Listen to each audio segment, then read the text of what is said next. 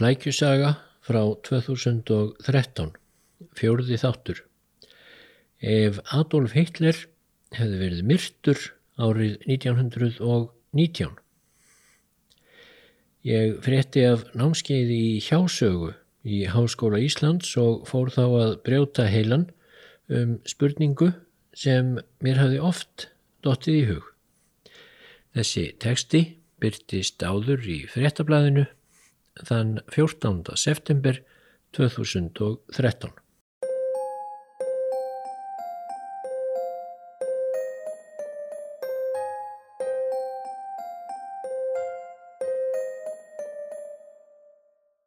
Líkið lág á grúfu á snjáðum dívan. Á nakkanum var ekkert að sjá nema einn svartan blóðblett í stuttkliftu hárinu en miklar blóðdreifar á kottanum gáðu til kynna að andlitið væri líklega stór skattað. Gamli rannsóknar lauruglumadurinn Egon hlakkaði ekki til að velta skroknum við. Meðan heimstyrjöldin stóð hafði morðum og alvarlegu ábeldi fækkað heilmikið í munn hérn og Egon var orðin óvanur því að horfast í augu við íllafarin lík. Og þótt nú færi ofbeldisverkum fjölkandi á ný var hann ekki búin að venjast í. Annað en ungi nýliðin við hliðans sem var nýkomin á staðin og skimaði nú kringum sig í heldur fátæklegu leiguherberginu þar sem líkið hafði fundist. Mosje hafði verið í skotgröfunum í Fraklandi öll stríðsárin og vafalust sé þar meiri hrylling en Egon gamla langaðinu sinni til að ímynda sér. Þótt úti væri ferð að skikja var enn næg byrta í bókaherberginu. Við hliði dívansins var lítið skrifborð sem var þakkið pappirum og bókum og úti í horni komóða. Ofan á hana hafði verið lagður heljarstór speil sem var eiginlega hýða eina óvænta í herberginu. Líkið var snirtilega klætt en fötinn óskup fátækleg og venjuleg. Svo hegomleikin sem speillin gaf til kynna kom nokkuð óvart. Að öðru leiti hafði Ekon séð ótal svona herbergi áður í leiguhjöllunum í munnkjön. Þar byggu einhleipir karlar á ýmsum aldri, einstæðingar og margir hennilega auðnuleysingjar, oftar en ekki fyrirverandi hermenn sem voru að flosna upp úr samfélaginu. Já, hugsaði Egon með sér meðan hann mannaði sig upp í að snúa við líkinu. Við erum ekki búin að býta úr nálinni með stríðið. Það á eftir að sitja í okkur lengi og eftir hvers þess. Eins og því til staðfestingar heyrði hann fjarlæg öskur og læti utan af götu. Þar fóru hópar fyrirverandi hermana um með látum í tilöfni þess að í dag, 11. november 1919, var rétt ár liðið frá uppgjöf Þýskalands. Uppgjöf sem þá hafði verið svo langþráð en virtist nú æg skammarlegri eftir því sem lengra leið. Þú þarft ekki að velta honum við, saði Mosje láróma en það hafði ekki farið fram hjá honum. Hvað Egon kveið því að horfast í augu við tætt andlitið á líkinu. Ég veit hver hann er, ég hitti húsvörðin niður í hann, saði mér það. Nú já, já, saði Egon styggur og hvenar hafður þau hugsaðir að deila þessari þekkingu með mér? Hermaður um þrítugt, saði Mosje og skaut sér ósjálfrátt í réttstöðu án þess að svara spurningu Egons. Líklega austrykismadur af hreimnum að dæma. Húsvörðurinn heldur að hans í enni hernum en hann er þó sjaldan enginnisklettur veriðist mjög æstur yfir pólitík, meðlimur í einum af þessum örlittlu æsingaflokkum sem endalustur að spretta upp. Gemur stundum hingað með einhverja félaga og þeir rausa fram á nótt, aðalega er það víst hann sem talar og þó hann sé einn hérna á kvöldin þá talar hann víst við sjálfan sig. Heldur þrjumu ræður hér í hólunni að leitin, húsverðurinn heldur að hann sé að æfa sig. Já, hérna, glotti Egon. Þeir eru margir pólitíkusarnir nú orðið. Hvað hétt svo þessi ræfil? Hitler, saði Mosje. Adolf Hitler. Já, ég dæsti Egon. Reynum að finna út hver drap Hitler greið. þó hann hafi kannski bara verið einhver einskísverður austuríkismadur sem engu skiptir í veraldarsögunni hvort lífir eða deyr, þá leifist náttúrulega engum að myrðan. Þetta upphaf var sett saman til skemmtunnar Guðuna T.H. Jóhannesinni sakfræðingi sem eh, um þær myndir sem þetta var skrifað kendi námskeið við Háskóla Íslands um hvað ef sögu hvaða afleiðingar það hefði haft í mannkynnssögunni ef eitthvað hefði gerst örlítið öðruvísi en raun var á. Ég hef æfinlega haft sérlega gaman af slíkum hugleðingum og saga Adolfs Hitlers lítur alltaf að skjóta upp kollinum þegar mann velta svona hlutum fyrir sér.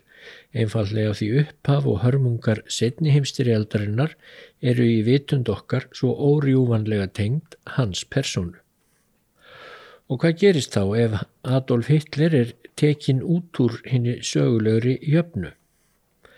Í því tilfelli sem ég hef búið hér til, ef Hitler hefði nú verið myrtur af einhverjum óþægtum manni í november 1919, aðeins tveim mánuðum eftir að hann gekk í þýska verkamannaflokkin sem þróaðist svo á næstu misserum yfir í nazistarhefinguna.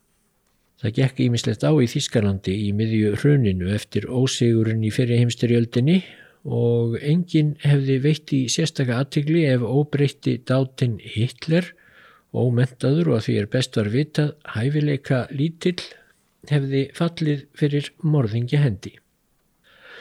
Hugliðingar um hvaði ef sögur hafa hingað til ekki alltaf fengið mikið pláss í akademískum söguransóknum Þar hafa menn gætnan next til að líta svo á að það sem gerðist í reynd hljóti að hafa verið alltaf því óhjákvæmilegt og allavega sé út í hött að velta fyrir sér einhverjum öðrum möguleikum. En í reynd er hjásaga eins og einnig má kalla fyrirbærið hvaði ef sögu. Ekki aðeins skemmtileg, heldur getur endar aukið mjög við dýft söguskilningsokkar en mitt með vangaveltum um hvað var óhjákvæmilegt að gerðist og hvað var kannski háð duttlungum einstakra persóna eða hreinum tilviljunum. Varð með engum móti komist undan hinnum óurlegu skjelvingum setnihimstyrjaldar. Voru það á einhvern nátt örlög hinnar menningar ríku þýsku þjóðar að standa aðgerðarlaus hjá og taka ég vel virkan þátt þegar leittóður hennar mistu sig í einhverjum ótrúlegustu blóðfórnum sögunar sem er helförinn gegn gýðingum og fleirum. Var engin leið að komast hjá þessu, en ef það hefði verið hægt, hvað hefði þá gerst? Reyndar er það ótrúlega sterk tilneying þeirra sem velta fyrir sér hjásögu að tróða sögunni fyrir eða síðar aftur í næstum sama mót og hún endaði í. Nefnum á skáldsöguna Making History sem leikarin góðkunni Stephen Fry gaf út árið 1997. Þar gefur hann sér mjög svipaða forsendu og ég var að leika mér með í upphafi þessarar greinar. Hann fjarlægir sem sé Hitler úr sögunni. Og niðurstaða hans er svo að það hefði litlu breytt og ef eitthvað er þá hefði sagan getað orðið heldur verri án Hitlers en með honum.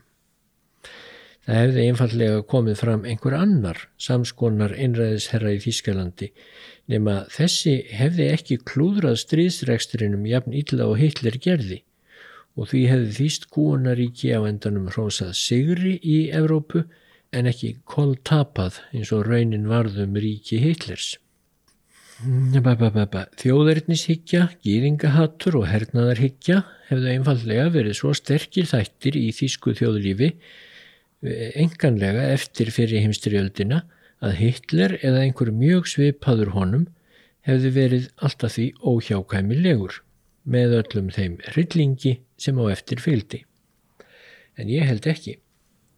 Allan þriði áratögin í Þískalandi ótaði Hitler fram þjóðarins ofstópa sínum og geðingahatri. Jú, hann náði aðtikli og nokkru fylgi en hverginar er nógu miklu til að komast til valda. Fylgi nazista í kostningum í Þýskalandi allan þriðja áratugin var um það byrj 2,5% og það jógst ekki hót eftir því sem leið á áratugin. Það var ekki fyrir við kreppuna 1929 sem fylgi nazista rauk upp. En ástæðan var fyrst og fremst óvonægja þjóðverja með atvinnuleysið og það sem mönnum fannst vera fálmkendar ráðstafanir hinn að hefðbundnu politíkusa til að bregðast við því. Árið 1933 var fylgi nazista byrjað að dala en þá komst Hitler til valda vegna innbyrðisundrungar annara stjórnmálarhefinga en það hefði alls ekki þurft að gerast. Og einhver annar líðskurumari hefði ekki óhjákvæmilega náðu sömu stöðu og Hitler gerði. Og þjóðverjar þráðu ekkert í stór hópum fjöldamorða og gýðingum þótti gýðinga anduð væri vissulega nokkuð landlægi í Þískalandi. Og þær rástafanir gegn atvinnuleysi sem komu hjólum atvinnulífsins aftur af stað eftir að nazistar komust til valda. Þær voru flestar í undirbúningi áður en stjórn Hitlers tók við. En nazistar þökkuðu sér árangurinn og smátt og smátt fylgdi þýska þjóðin nazistum fram af hengiflöginu. Mín skoðun er svo að setni heimstyrjöldin hafi alls ekki verið óhjákvæmileg. Ef þeir Ekon og Moshe hefðu í raun staðið yfir líki Hitlers árið 1919 þá hefði kannski á endanum komið til margvíslegra átaka í Evrópu en hinn stóra styrjöld hefði ekki átt sér stað. Hrunið mikla 1945 sem leiti til tvískiptingar Evrópu í áhrifasvæði Bandaríkjana og Sovjetríkjana, það hefði valla orðið. Ekki þarfirir, það er því miður líklegt að margvísleg smerri stríð hefðu getað brotist út, jafnvel millum ríkja í vestur Evrópu, þegar enginn var sameinlegur ofinnur. Og það er algjörlega óvíst hvernig farið hefði fyrir Sovjetríkinum ef þau hefðu ekki náð tangarhaldi yfir allri austur-Evrópu einmitt vegna feigðarflans Hitlers.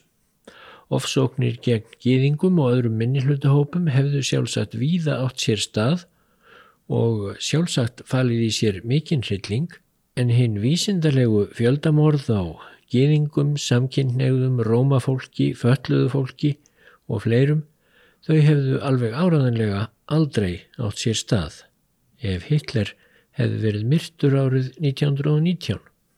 Þar með hefðu ríki Vesturlanda heldur aldrei hleyft af stokkunum Ísraels ríki og að minnstakosti ekki stuttað einstiggilega úr raunber vitni Saga miðusturlanda hefði orðið allt, allt önnur og raunar saga heimsins alls. Því nýlenduveldi, bretta, frakka og fleiri Evrópþjóða hefðu staðið mun lengur ef Evrópuríkinum hefði ekki blætt út í heimstyrjöldinni. En hvað hefði breyst á Íslandi? Engin hersetta bretta 1940, það er örugt. Engin draumur að vera með dáta, svo mikið er vist.